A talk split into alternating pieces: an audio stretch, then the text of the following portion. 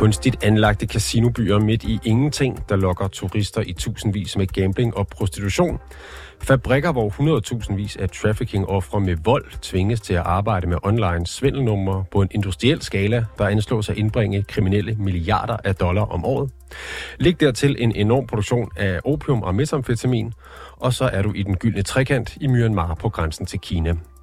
Der har kriminelle øh, operationer som det her stået på i årvis, men nu har Kina fået nok og accepteret væbnede grupper, som de støtter, er gået til angreb på den militærjunta, der sidder på magten i Myanmar. Og det er en udvikling, der kan ende med at forskyde det sikkerhedspolitiske billede i Sydøstasien. Du lytter til Konfliktzonen. Mit navn er Oliver Bernsen.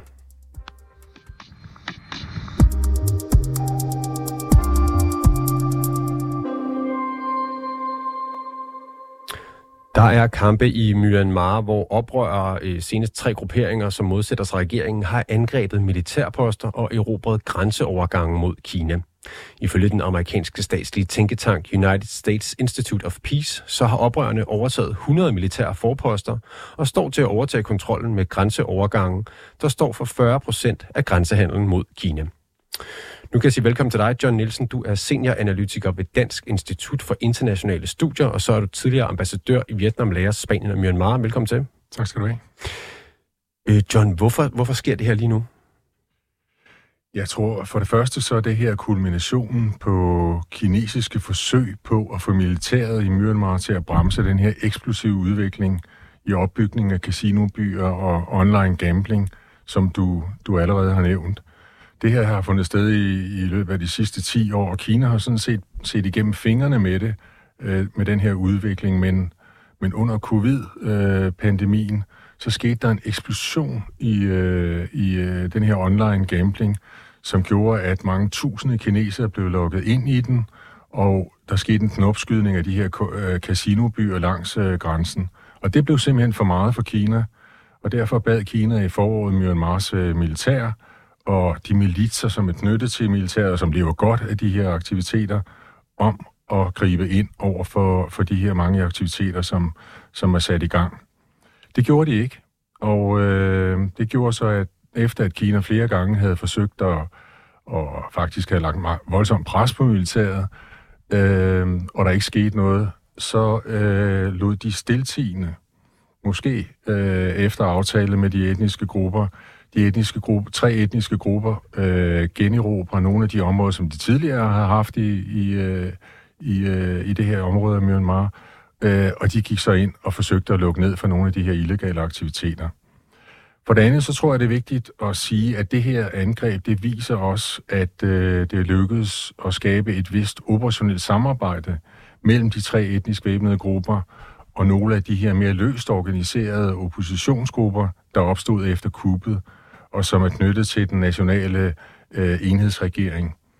De er fælles om, at de gerne vil have væltet det her militær, men derudover er der ikke nødvendigvis så meget, de er enige om. Og øh, vi dykker øh, lidt mere ned i den konkrete konflikt øh, lige om lidt, og, øh, og hvad der sker i Myanmar lige for tiden. Men hvis vi lige stopper op og, og, og zoomer lidt ud, hvorfor er det så vigtigt, kan du kort sætte på, hvorfor det er vigtigt for os i Vesten at forstå det, der sker i Myanmar lige nu? Jeg tror, det er vigtigt at forstå det ud fra forskellige synspunkter. For det første er det jo, sker der nogle voldsomme menneskerettighedsovergreb, øh, som jo også sker i ly af, at der er mange andre konflikter i verden. For det andet så er det her jo også et spørgsmål om, at der er en geopolitisk øh, dimension øh, i det, fordi at øh, Kinas overordnede mål og interesse i Myanmar er at få adgang til en øh, havn i det indiske ocean. Øh, I første omgang ud fra nogle økonomiske betragtninger om at kunne, kunne skabe en korridor fra den sydlige del af, af Kina og, og ned til, til Myanmar, som kan være behjælpelig med at få olie og gas ind fra, fra øh, Mellemøsten men også fordi, at den havn øh, på sigt vil være en mulig øh, havn, som den øh, kinesiske flåde kan, kan anløbe. Så det, det tror jeg er en, er en væsentlig øh, del af det, som, som vi også skal tage i betragtning. De væbnede grupper, som du nævner her, de etniske væbnede grupper, øh, det er nogen, der har eksisteret i, i lang tid, siden, øh, siden øh, uafhængigheden fra da, da Burma dengang, øh, da Burma blev uafhængig af, af Storbritannien. Men efter øh, militærkuppet i 2021, der er der sket noget nyt. Hvad er det, der er sket der? Ja, du kan sige, at de etniske grupper, det er jo sådan nogle, nogle altså, der har været etniske grupper og væbnede grupper hele siden 1948. De her grupper, de her tre grupper, vi taler om her, er, er i virkeligheden øh, nogen, som er opstået efter, at det kinesiske, eller det Myanmars øh, kommunistparti gik i opløsning i 1989. Øh, så det er splintergrupper fra, fra den gang, og, og, og den, den, den tredje af de her grupper, der hedder Arakan Army, er dannet i 2009. Men det, der skete efter kuppet, er, at der opstod en lang, lang række, det man kalder folkelige selvforsvarsgrupper, øh, PDF'er. Og det her, det, det består i virkeligheden af mange af de her unge, som øh, er vokset op under det, vi kan kalde den demokratiske åbning i Myanmar fra 2011 til, til 2020, hvor, hvor, hvor kuppet kom øh, i 21. Øh, og mange af de her unge, de har jo oplevet en åbenhed over for verden. De har fået adgang til Facebook, de har fået adgang til alle mulige sociale medier. Og vi skal jo tænke på, at øh, Myanmar fra 1962 og op til 2011 var det mest lukkede, måske det mest lukkede samfund i verden efter, efter Nordkorea. Så de her unge, de ønskede ikke at komme tilbage til den situation, som de havde oplevet før. Øh, der, derfor var der mange af dem, der søgte op i de her grænseområder, hvor de etnisk væbnede grupper har territorier og kontrollerer territorier, og her har de modtaget træning fra de etnisk væbnede grupper, og så gået ind i modstandskampen, og har efterfølgende ført sådan en slags uh, guerillakrig fra, fra de her områder. Og hvad er det helt konkret, øh, som Kina er utilfreds med i det nordlige Myanmar? Du har været inde på det, men kan du prøve at beskrive øh, billedet i de øh, områder? Altså, Kina det, det blev for meget for Kina med den her enorme vækst i, i den her illegale industri. De har tilladt øh, igennem mange år, en, en, at der var en vis øh, gambling er forbudt i Kina, så, så kineserne tager over på den anden side af Myanmar og, og, og gambler fra casinoer der. Men da hele det her online gambling, det kommer op at stå i forbindelse med covid, der blev det for meget for Kina. Det område, vi taler om, er, er som du også øh, nævnte tidligere, den gyldne triangel. Øh, og, og det er jo et område, som har, igennem årtier har været præget af narkoproduktion og handel mellem Thailand, Laos og, og, og Myanmar, og som i dag er hjemsted for verdens største metamfetaminproduktion, verdens største, og, og Myanmar er stadigvæk i top 3 blandt verdens største opiumproducerende lande. Så det er jo et område, hvor, hvor de her casinoer og gambling bliver brugt til hvidvaskning af penge fra, fra blandt andet narkoproduktionen. Der arbejder i 10.000 af udlændinge i casinoerne. Der er selvfølgelig en voldsom prostitution, der er opstået i forbindelse med, med, med den her industri. Og der foregår også menneskehandel. Altså det vil sige, der er folk, der bliver simpelthen solgt til kinesiske øh, mellemhandlere og ført ind i Kina efterfølgende. Alt det her synes Kina var, var blevet gået for vidt, og derfor øh, greb man så ind. China says it wants to cooperate with Myanmar to restore stability in a border region. This after a group of ethnic rebels in this region of Shan state united to defeat the military stationed here. Ja, et øh, klip fra, øh, fra Deutsche Welle News her fra tirsdag 7. november. Kina siger altså, at de vil samarbejde med Myanmar om øh, stabilitet i det her grænseområde. Men hvad er egentlig Kinas andel i den nyligt opblussede konfliktsituation? Øh, altså, Kina har jo igennem årtier støttet de her etnisk væbnede grupper øh, inde i, i Myanmar. Øh, de har leveret våben til dem siden, øh, siden 80'erne, siden 90'erne. Øh, og Kinas vigtigste allierede øh, inde i Myanmar er den mest magtfulde af alle de her etniske grupper, øh, den såkaldte VAR-gruppe, øh, hvoraf ja, for 50 år siden, der var flere af dem hovedjæger, øh, men i dag er det en af de mest magtfulde, eller er den mest magtfulde gruppe øh, i øh, Myanmar, og formodentlig den største øh, ikke-statslige militærorganisation i, i Asien, som har over 30.000 øh, øh, personer under, under våben. De kontrollerer et område på størrelse med, med Belgien, så er faktisk større end Belgien, inde i Myanmar. Her er sproget kinesisk, ikke? det er yuan, øh, man bruger som møntenheden. Internettet er kinesisk, øh, og de har deres egen våbenproduktion, men de får også leveret våben fra, fra Kina.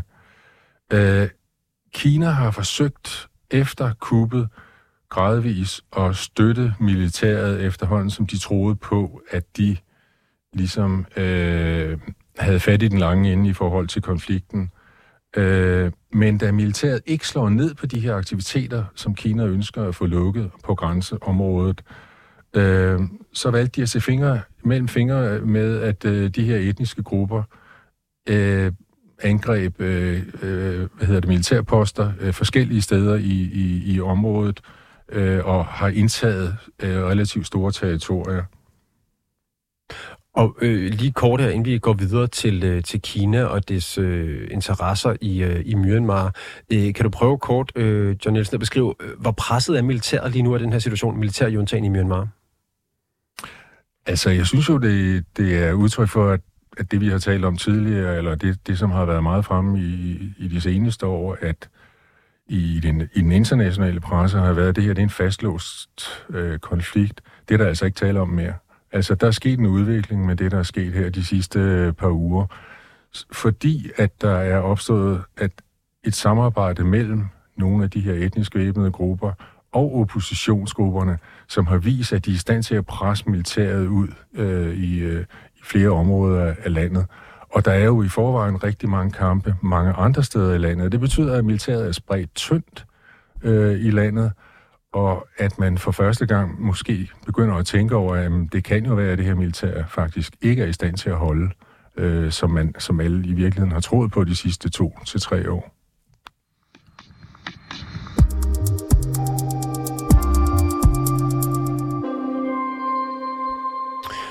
Nu har vi så talt om øh, Kinas indflydelse på de væbnede øh, etniske grupper, blandt andet den her VAR-gruppe, som, som, som simpelthen øh, kører en, en form for kinesisk øh, administration med, med kinesisk internet, kinesisk møntfod og taler kinesisk. Øh, hvad er Kinas øh, interesser, altså udover indflydelsen, hvad er Kinas interesser i Myanmar så? Jamen, der er forskellige interesser, ikke? Altså, for det første øh, skal man huske på, at øh, Myanmar befinder sig i det, som Kina betragter som deres nærområde. Kina er jo... Øh, og det er et område, hvor Vesten ikke skal blande sig, ifølge kinesiske øh, optik. Øh, Kina er enorm, øh, eller meget følsom over for et, et hvert vestligt engagement langs øh, dets grænser. Kina har jo grænse til 14 lande, hvor Myanmars, grænsen til Myanmar er jo på over 2.000 kilometer. Øh, så det er blevet helt klart formuleret af, af kineserne på alle niveauer i det kinesiske system, og jeg har også selv oplevet det i, under min, mit... Øh, ophold i, i Myanmar og også tidligere i Vietnam, at det her, det betragter de som deres område, og Vesten skal holde sig væk. Så det, det, det er den ene ting. Den anden ting er, at man kan sige, det overordnede formål for Kina, økonomiske formål, måske sikkerhedspolitiske formål også, det er at få anlagt en transportkorridor fra den sydlige del af Kina, fra, fra den store by, der hedder Kunming, i den sydlige del af, af, af Kina, øh, og ud til kysten i, i Myanmar, og den her transportkorridor skal både bestå af tog og øh, veje og olie- og gaslinjer, og der skal etableres en lang række økonomiske øh, eksportzoner eller specialzoner i det her område. Øh, det her projekt, det er særdeles højt øh, prioriteret som en del af Xi Jinpings øh, Silkevejsprojekt, som, som vi har hørt meget om. Og årsagen til, at det er så vigtigt, det er, at i dag så øh, sender Kina jo omkring 80 procent af sin olie og gas igennem det, der hedder Malacca-strædet, som er et smalt stræde øh, ved, ved Singapore og Malaysia, mellem Singapore og Malaysia, på, som, som, øh, og, og derefter op igennem det sydkinesiske hav, som jo er et konfliktområde. Øh, og det, dels er det jo en længere rute, men dels er det jo også nogle konfliktområder, som man gerne, øh, prø- øh, gerne øh, vil prøve at undgå. Så det her, det skal være et alternativ til, øh, til det, de der søruter, som Kina bruger øh, i dag. Og hvor langt er Kina med konstruktionen af den her landkorridor gennem øh, Myanmar, ved man det? I, altså, indtil videre har de lavet en øh, olie- og gaslinje, øh, øh, og det, det er omkring 7-8 år siden. Men de er ikke rigtig kommet videre med at anlægge dybvandshavnen. Og, og du kan sige, det tredje formål med, med, med, med hele med Kinas engagement er at få lavet en dybvandshavn i på, den vest, på vestkysten af, af Kina, hvor øh, selvfølgelig dels, at man kan varetage de her økonomiske interesser, som jeg nævnte tidligere, men også, hvor man på sigt kan forestille sig, at den kinesiske flåde kan, kan anløbe i det indiske, indiske ocean. Og det er det her, jeg mener, at, at den geopolitiske dimension kommer ind i øh, billedet i forhold øh, til Myanmar. Da jeg var i, øh, i, øh, i Vietnam i sin tid, øh, og talte med kinesiske øh, diplomater, der, der, sagde, der kaldte de jo øh, Myanmar our west coast. Det er vores vestkyst. Altså, det var ikke et land, det var deres vestkyst. Det var en del af Kina, og de betragtede det som en del af Kina, fordi det havde en, en vigtig øh, rolle i forhold til, til den her geostrategiske øh, øh udvikling. Og det er en dybvandshavn på, øh, på den vestlige øh, side af Myanmar. Hvordan går det med den? Jamen, den er stadigvæk... Øh, altså, de har, ud, de, har, øh, de har ikke lavet selve dybvandshavnen, men der er lavet en havn derude, men man har stadigvæk øh, haft problemer med at få gang i den. Og det øh, en anden ting, som I kineserne har været irriteret over, er, at øh, øh Myanmars, øh, også den tidligere regering, men især militærregeringen, er jo skeptiske over for kineserne for en, en havn ude på, på, deres, på vestkysten af, af, af Myanmar. Så det har trukket ud, og det har også irriteret kineserne, at, øh, og derfor har de også lagt øh, pres på øh, Myanmar på det seneste for at få mere skub i anlæg af, af havnen.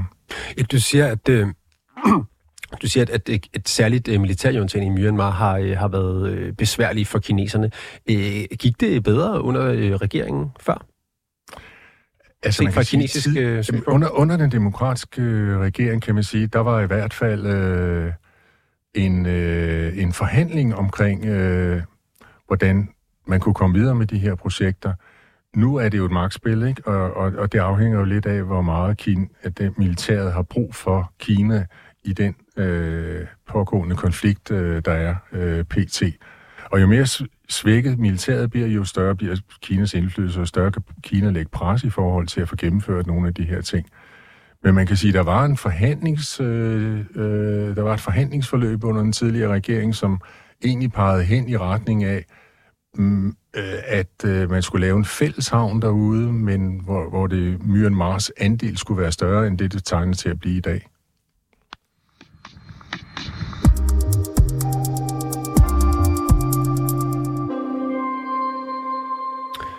John Nielsen, senioranalytiker ved Dansk Institut for Internationale Studier og tidligere ambassadør i Vietnam, Laos, Spanien og Myanmar. Du er stadig med i studiet her. Vi taler om den seneste udvikling i, øh, i Myanmar, hvor øh, etniske grupper er gået til angreb på militærjuntagen og har presset dem enormt i grænseområderne mod Kina. Hvis vi nu øh, her øh, sidste programmet zoomer lidt ud og ser på situationen geopolitisk, hvad kan så blive konsekvensen af, at Kina de får mulighed for at øh, udøve den her indflydelse på situationen i Myanmar? Ja, altså det, det, det man kan frygte, det er jo, at Kina med, med en vis sandsynlighed får adgang til det indiske ocean. Øh, og det vil selvfølgelig give god mening økonomisk også for Myanmar, at øh, der bliver skabt den her korridor. Men øh, mulighederne for, at Kina får flådeadgang til det indiske ocean, er selvfølgelig noget, der er stærkt bekymrende, øh, sådan rent geopolitisk, og noget, som især Indien er stærkt bekymret for. Øh, og derfor har Indien også øh, forsøgt ligesom at fastholde en eller anden linje til militæret for at, at imødegå øh, øh, kinesernes forsøg på at få etableret havnen. Derudover så øh, er det jo klart, at Kina har jo ikke nogen interesse i, at øh, at vende tilbage til en demokratisk udvikling i, i Myanmar, og slet ikke set i lyset af, at øh, en i forvejen skeptisk befolkning over for øh, kineserne nu har set, hvordan kineserne har støttet militæret igennem øh, flere år, hvor, hvor militæret jo har, har begået øh, voldsomme, barbariske menneskerettighedsovergreb. Øh, Så det bliver meget svært at vende tilbage til det udgangspunkt, hvor et demokrati kan bygges op, uden at Kina, Kina blander sig. Allerede øh, sidste år, der skrev du en analyse, hvor du advarede mod kinesisk indblanding i Myanmar, alle den situation, vi, vi ser nu. Og i den, der opfordrer du Vesten til at engagere sig mere i det, du kalder de geopolitiske perspektiver i Myanmars udvikling, og ikke kun have en sådan, menneskerettighedsværdibaseret tilgang til det. Hvad betyder det? Jeg mener stadigvæk, det er vigtigt at fastholde en øh, menneskerettigheds- og værdibaseret øh, politik i forhold til Myanmar, øh, og det er selvfølgelig også enormt vigtigt stadigvæk at fortsætte med at sikre, at der kommer humanitær hjælp ind til de her, ja nu er det jo op mod en halvanden million mennesker interne fordrevne i landet, ikke? Øh, og, og mange af de her overgreb, der foregår. Men jeg synes, det der er vigtigt, det er ud over at have fokus på den her del af det, så synes jeg, det er på tide, at Vesten får øjnene op for, at, øh, at der er en geopolitisk del af konflikten, og, at, øh, og det er vigtigt, at Vesten i stigende grad forsøger at styrke samarbejdet og kontakten til Indien og Japan og nogle af, af ASEAN-landene, som jo også er bekymret over, at Kina muligvis får adgang til det indiske ocean øh, gennem øh, Myanmar. Så jeg synes, det, det jeg gerne vil appellere til, det er, at, at Vesten, og, og især i lyset af, hvad der sker lige nu, hvor det var tingene måske øh, er, er ved at ændre sig, øh, øh, giver lidt op i forhold til at se på det her, ikke kun som en humanitær og menneskerettigheds værdipolitisk øh, konflikt, men også, øh, at der rent geopolitisk står noget på spil på lidt længere sigt, hvis Kina får den her adgang til det, til det indiske ocean. Vesten har i dag, efter min mening, alt for dårlig kontakt, øh, og jeg vil også sige, at mange øh, lande har berøringsangst over for at have kontakt med modstandsbevægelsen, oppositionsgrupperne, øh, og også de etnisk væbnede grupper. Men øh, som situationen er i dag, så det er ikke umuligt, at militæret bryder sammen. Det ville jeg nok ikke have sagt for, for tre år siden. Men som situationen er nu, øh, og med det pres, der er på, og den måde, tingene har udviklet sig på, og det, at vi ser et samarbejde mellem nogle af de etnisk væbnede grupper og oppositionsgruppen, så er det ikke umuligt. Og derfor bliver man nødt til, og derfor synes jeg, at vi meget mere konsekvent bliver nødt til at gå ind og tale med nogle af de her grupper, få kontakt med nogle af de her grupper, for de kommer med til at definere fremtidens øh, øh, Myanmar. Og hvad, hvad kunne det helt, altså hvordan at, ser det helt konkret ud, det du øh, appellerer Vesten til at gøre? For det første så mener jeg, at man kan give, give langt mere støtte direkte til de, til de øh, oppositionsgrupper. Øh, amerikanerne gør det allerede. Øh, er det våben, eller er det penge? Eller? Det kan være humanitær hjælp, og det kan være penge til, at de også kan være med til at opbygge administrationen i de områder, hvor de nu har taget kontrollen. Øh, militæret har formodentlig ikke meget mere kontrol end, end noget over 50 procent af landet i dag, ikke? og der er store områder, også ud over de etniske væbnede områder, bevæbnede, øh, der hvor de etniske væbnede grupper har, har kontrol. Der er store områder, som er i oppositions øh, hænder, og de skal have opbygget en administration i det her, og de skal vedligeholde en administration, fordi mm, altså, staten er væk. Øh, og der, der er muligheder for at gå ind og støtte der. Øh, og derudover så mener jeg, at man skal ind og have dialog med dem, finde ud af, hvad det er for nogle tanker, øh, de har om fremtidens Myanmar. Der er masser af uenigheder mellem øh, de her øh, grupper. Der er også masser af uenigheder mellem de etniske grupper om, hvad de vil på lidt længere sigt. Og der kan det altså være vigtigt at gå ind og prøve at formidle en dialog mellem, mellem de her parter. Hvis nu jeg her øh, til sidst beder dig om at kigge i krystalkuglen, øh, John Nielsen, hvor peger den seneste udvikling i Myanmar så hen, tror du? Jeg synes, at øh, de sidste uger har vist flere ting. Øh, for det første, at konflikten ikke nødvendigvis er fastlåst, øh, som vi ellers har, har, har beskrevet den de sidste par år, øh, og det måske alligevel ikke er umuligt, at militæret kan bryde sammen. Øh, modstanden har i hvert fald øh, udviklet sig til store dele af landet, og militæret er spredt tyndt, samtidig med at modstandsgrupperne er blevet bedre organiseret og blevet bedre forsynet med, med, med våben. De seneste par har også vist, at det her samarbejde mellem de etnisk væbnede grupper, der har mange års, som har mange års øh, kamperfaring øh, i at bekæmpe øh, militær, og de nye modstandsgrupper kan presse militæret voldsomt. Øh, og den haster effektivitet, øh, hvormed de her etnisk væbnede grupper de sidste uger har været i stand til at nedkæmpe militæret, vidner om, at krigen kan være på vej ind i en ny fase. Så øh, udviklingen, men jeg synes også, at udviklingen har jo også vist, at Kina spiller med forskellige kort. Kina sidder og spiller øh, på forskellige måder med, med forskellige ting. Det ene øjeblik støtter de militæret, det andet øjeblik støtter de, mil, de nogle af de etnisk væbnede grupper, hvis det passer i deres interesser. Øh, så jeg synes, at mens der er internationalt, er der selvfølgelig meget fokus på øh, og gode grunde øh, på konflikten mellem Israel og Hamas og, og Ukraine-konflikten, mm, så træder Vesten vane i forhold til øh, Myanmar. Og Myanmar er faldet langt ned på listen over de konflikter, vi gider forholde os til i Vesten. Men det er ikke mere en fastlåst og henslummerne konflikt. Og det er vigtigt, at det internationale samfund tager hele den her geopolitiske dimension af konflikt mere alvorlig og viser, at der er et alternativ til Kina, Rusland og andre lande, der støtter øh, militæret. Og det kræver så den her mere direkte kontakt øh, og konkrete støtte til oppositionsgrupper og et styrket samarbejde med andre asiatiske lande. Som jeg ser det nu, så øh, uanset af udfaldet af den her politiske og væbnede kamp, så bliver det meget vanskeligt at holde sammen på Myanmar på lidt længere sigt. Ønsket om et øh, udvidet selvstyre blandt mange af de her etniske minoriteter, det vokser jo. Og de indtager allerede nye, nye territorier i dag. Nogle vil have fuldt selvstyre, andre vil have et begrænset autonomi. Og vi har også en modstandsbevægelse, med, som er internt øh, uenig, men som grundlæggende ønsker opbygning af en føderal stat. Men også blandt dem er der jo stor uenighed. og og det, det, jeg vil sige med det, det er, at formår en fremtidig civil eller militær regering ikke, øh, forhåbentlig en civil regering, ikke at tage hensyn til alle de her forskellige artede visioner og drømme, der er fra, fra de her grupper, så er der en reel risiko for en balkanisering af Myanmar. John Nielsen, du er senioranalytiker ved Dansk Institut for Internationale Studier, og så er du tidligere ambassadør i Vietnam, Laos, Spanien og Myanmar. Mange tak, fordi du var med. Selv tak.